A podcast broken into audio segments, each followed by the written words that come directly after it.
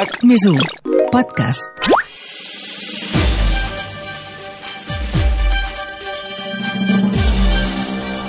RAC més 1 us ofereix 14F amb Adrià Santa Susanna, la guia pràctica per les eleccions del 14 de febrer amb el suport de la Generalitat de Catalunya. Hola, què tal? Com esteu? Ens estem apropant ja al dia D, el 14 de febrer, que és el dia de les eleccions, segurament una de les eleccions més estranyes de la història de Catalunya. I mira, que aquí les hem vist de tots colors. Serà el final d'una campanya electoral que no ens enganyem, que no ha durat només 15 dies, sinó que ha durat gairebé un any des que el president Torra va anunciar que el govern ja no s'aguantava per enlloc.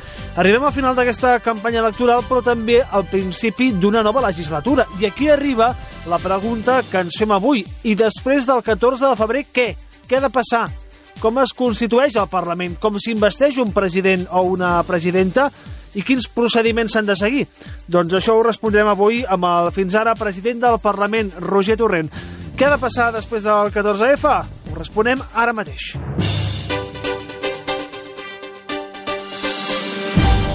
Roger Torrent, president del Parlament, què tal, com estem? Primer de tot, gràcies per ser aquí al podcast 14F de RAC més 1 i m'agradaria parlar amb vostè o respondre la pregunta que ens fem avui, l'endemà del 14F, què? És a dir, poder anar explicant i repassant tots els procediments que existeixen fins que tenim un nou Parlament i un nou govern. Per començar, ara mateix estem en Diputació Permanent. Què vol dir això de la Diputació Permanent? Bé, la Diputació Permanent és l'òrgan, diguéssim, creat per els períodes eh, on no hi ha sessions parlamentàries, o sigui, en, els períodes no lectius, podríem dir-ho així, del, del Parlament. És un òrgan de continuïtat que es posa en marxa, eh, doncs, per exemple, entre el període entre, entre sessions, a l'estiu, quan els mesos d'agost, eh, però també quan es dissol el Parlament i abans no hi ha una nova legislatura. És un òrgan reduït, del qual en formen part 23 eh, diputats i diputades i que té una mesa específica que és diferent de la mesa ordinària del Parlament de Catalunya. És l'òrgan que s'ha reunit recentment des de la dissolució del Parlament, precisament, doncs, per exemple, per eh, eh, promulgar, eh, per convalidar, més ben dit, decrets eh, promulgats pel govern de la Generalitat i per fer també les, el control al, al govern en la situació de, de, de pandèmia i la Diputació Permanent està en marxa fins que hi ha una nova mesa, una nova presidència del Parlament i, per tant, una nova legislatura. Això serà fins a les eleccions, que són el 14 de febrer, però no acaba aquí. És a dir, què s'ha de fer l'endemà del 14? Bé, uh, després de, de les eleccions, uh, el que marca la, la llei és que hi han 20 dies per poder fer el ple de Constitució. El dia que es fa el marca un decret que fa el govern uh, de la Generalitat Um, I se celebra aquest ple de Constitució en el que ja hi són presents els 135 diputats i diputades nous, és a dir, els que han sortit escollits a les eleccions del 14 de febrer. Què es fa en aquest ple? El primer que es fa és constituir la mesa d'edat. Eh? Se'n diu la mesa d'edat perquè està configurada pel diputat o diputada de més edat assistit per dos secretaris que són els més joves. Eh? Per tant, el diputat eh, més gran amb els dos diputats o diputades eh, més, de menys edat d'aquella legislatura. El que fan és llegir aquest decret, el decret de convocatòria d'aquesta sessió constitutiva del Parlament i després el que correspon és escollir la presidència, les vicepresidències del Parlament i els secretaris que configuraran la nova mesa del, del Parlament. Permetem, dies naturals o hàbils? Són 20 eh, dies que normalment eh, es consideren naturals perquè, com se sap, eh, el ple es pot reunir un diumenge, per exemple. Sí, de fet ja n'hem tingut precedents. Hem tingut precedents en què ens hem reunit diumenge o dissabtes. Abans de tot això, eh, els diputats i diputades entenc que han de prendre l'acte. Com es fa aquest procediment? Sí, han de fer alguns procediments administra administratius que tenen a veure, amb la, òbviament, amb la recollida de l'acte i, entre, i, i, i, i dipositar-la al Parlament de Catalunya s'han de, de fer eh, una sèrie de declaracions, algunes tenen a veure amb els béns del propi diputat per fer un seguiment i transparència de quins són els seus béns eh, durant tota la legislatura. Això es fa al principi i al final, per tant es pot, pot eh, comprovar.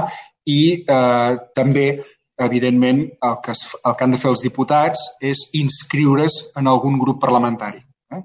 Eh, després de la sessió constitutiva hi han vuit dies per configurar els grups parlamentaris i els diputats i diputades s'han d'incorporar en un d'aquests grups. Això és la sessió de la Constitució del Parlament i després entenc que ja passem a investir un president. Què s'ha de fer perquè algú pugui arribar a ser investit president o presidenta? Bé, doncs després hi ha 10 dies en els quals eh, s'han de produir la ronda de consultes amb els grups parlamentaris, un, jo, un cop ja estan configurats aquests, perquè eh, cada un d'ells expliciti quin és el seu candidat o candidata a una investidura. I llavors el president o president del Parlament el que ha de fer és recollir totes aquestes opinions, configurar-se una composició de lloc i eh, atenent aquell candidat o candidata que eventualment es, sigui susceptible de reunir al seu voltant una majoria suficient com per ser investit, doncs és el que proposa perquè se sotmeti a aquest eh, debat d'investidura que s'ha de fer um, a posteriori d'aquests 10 dies en el que s'ha fet aquesta ronda de consultes. Per tant, són dintre dels primers 20 dies inicials el ple de Constitució i després 10, dintre dels 10 dies següents el ple d'investidura. Es pot fer per telèfon o telemàticament, suposo, més en aquests moments? Sí, ho hem fet alguna vegada, ho hem fet, eh, com saben, la repressió de l'Estat ha, ha implicat que s'hagin impedit eh, unes quantes investidures, des de la del president eh, Puigdemont fins a la de Jordi Turull, que va ser empresonat eh, enmig del debat d'investidura, precisament, i això ha implicat doncs, que en algun moment s'hagi hagut de fer una ronda de consultes molt ràpida. Eh?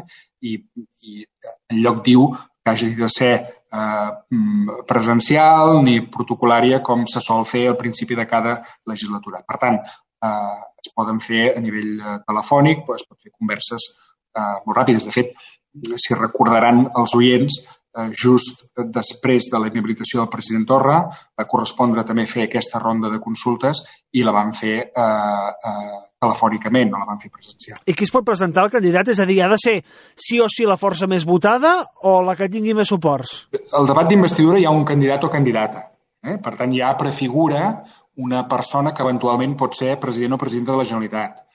Per tant, per ser candidat a aquest debat, eh, d'entrada ja s'ha d'entreveure eh, una possible majoria.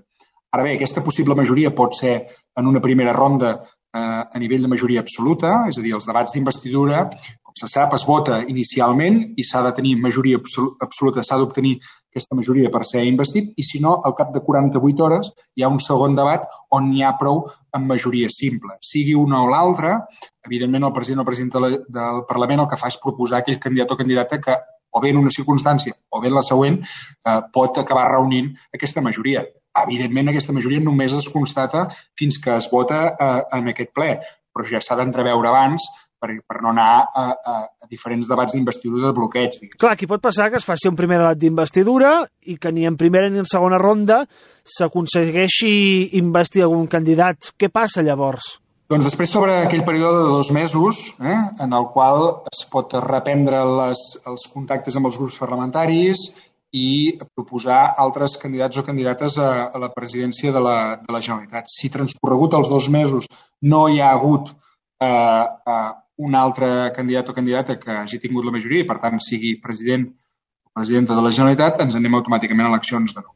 Perfecte. Ja per acabar, eh, president Torrent, està satisfet d'aquesta legislatura que vostè ha estat al capdavant de sí, la cambra? Sí, sí. Sí, estem satisfets. Jo almenys estic satisfet per moltes coses, però per resumir-ho en dues, diria. Una és, eh, malgrat eh, tota la repressió i el 155 vam recuperar la institució i l'hem posat al servei de la ciutadania d'aquest país, malgrat eh, insisteixo, eh, l'usurpació que va suposar el 155 i la repressió posterior. I d'altra banda també estic molt satisfet eh, particularment de eh, l'evolució en la feminització de la institució, la igualtat de gènere, però també el canvi de cultura en la presa de decisions, intentant desterrar el patriarcat, i d'altra banda també em sembla que és molt positiu aquest procés d'internacionalització de la institució que ha culminat eh, no fa gaires dies, amb el canvi d'estatus del Parlament de Catalunya a l'Assemblea dels Parlaments Francòfons, on hem passat a ser uh, un, uh, un actor rellevant des d'un punt de vista uh, uh, organitzatiu i des d'un punt de vista polític. Per tant, uh, jo diria que la, la, la, la consolidació del Parlament, malgrat les circumstàncies de repressió, la feminització i la internacionalització són tres dels ítems importants que hem desplegat durant aquesta legislatura. De fet, hem de dir que no ha estat fàcil. Els que ho hem anat seguint habitualment amb set partits diferents costa molt a vegades moderar el debat, però és que ara en poden ser nou. Com ho veu, això? Efectivament, nou, un dels quals apunten les enquestes, i espero que finalment això no es confirmi, que podria ser l'extrema dreta, no? i que per tant que el feixisme entrés al Parlament de, de Catalunya. A mi em preocupa, em preocupa aquest extrem, em preocupa el fet de que eh, acabin, mm, acabem naturalitzant la presència a les institucions de l'extrema dreta. En qualsevol cas, un Parlament atomitzat eh, mm, més difícil, òbviament, de gestionar, però, eh, però en tot cas serà el reflex del que pensa la ciutadania d'aquest país. Per tant, sigui qui sigui qui hi hagi al capdavant de la institució, eh, li tocarà gestionar això i fer-ho de manera que el conjunt del pluralisme del país es pugui expressar de la millor manera possible. Ja per acabar, un consell pel futur president o presidenta del Parlament, en cas que no sigui vostè, què li diria? Doncs mira, jo eh, traslladaré un, un consell o una premissa que sempre em recorda la presidenta Forcadell. Eh? I, per tant, procuraré de fer de corretge de transmissió de les lliçons que ens va donar la, la Carme. I és el de eh, procurar sempre ser absolutament empàtics des de tots els punts de vista, amb el conjunt de la ciutadania del país a la, a la qual representem, això per descomptat i en primer terme, però també eh, empatia entre nosaltres. Entre nosaltres vull dir entre els que tenim la sort i la responsabilitat de representar els ciutadans en un període de les nostres vides en aquesta, en aquesta institució.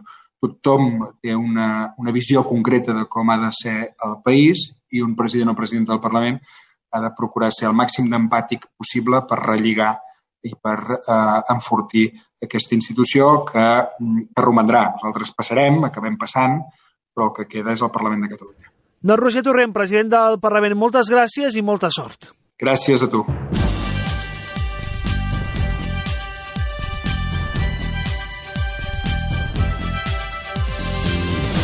Doncs ara ja sabeu què passarà, què ha de passar un cop passi les eleccions del 14 de febrer, com funciona la Constitució del Parlament, la investidura, etc. I estem arribant ja al final d'aquest podcast perquè ens estem apropant i molt al 14 de febrer. Uh, L'últim episodi tractarà sobre les garanties del recompte, és a dir, tots els elements que fan que els vots per correu arribin on toca, què és el que impedeix que qualsevol persona canvi el nostre vot, i recordarem tot el que fa falta per anar a votar presencialment. Últim episodi, 13 de febrer, dia de reflexió. Gràcies i cuideu-vos. El 14 de febrer se celebren eleccions al Parlament de Catalunya. Davant la situació epidemiològica recomanem sol·licitar el vot per correu. Pots fer-ho a qualsevol oficina de correus o al web correus.es amb l'IDCAT certificat, el DNI electrònic o altres certificats reconeguts. Tens temps fins al 5 de febrer. Més informació al 012 o a parlament2021.cat. Generalitat de Catalunya. RAC més 1. Tots som Més u.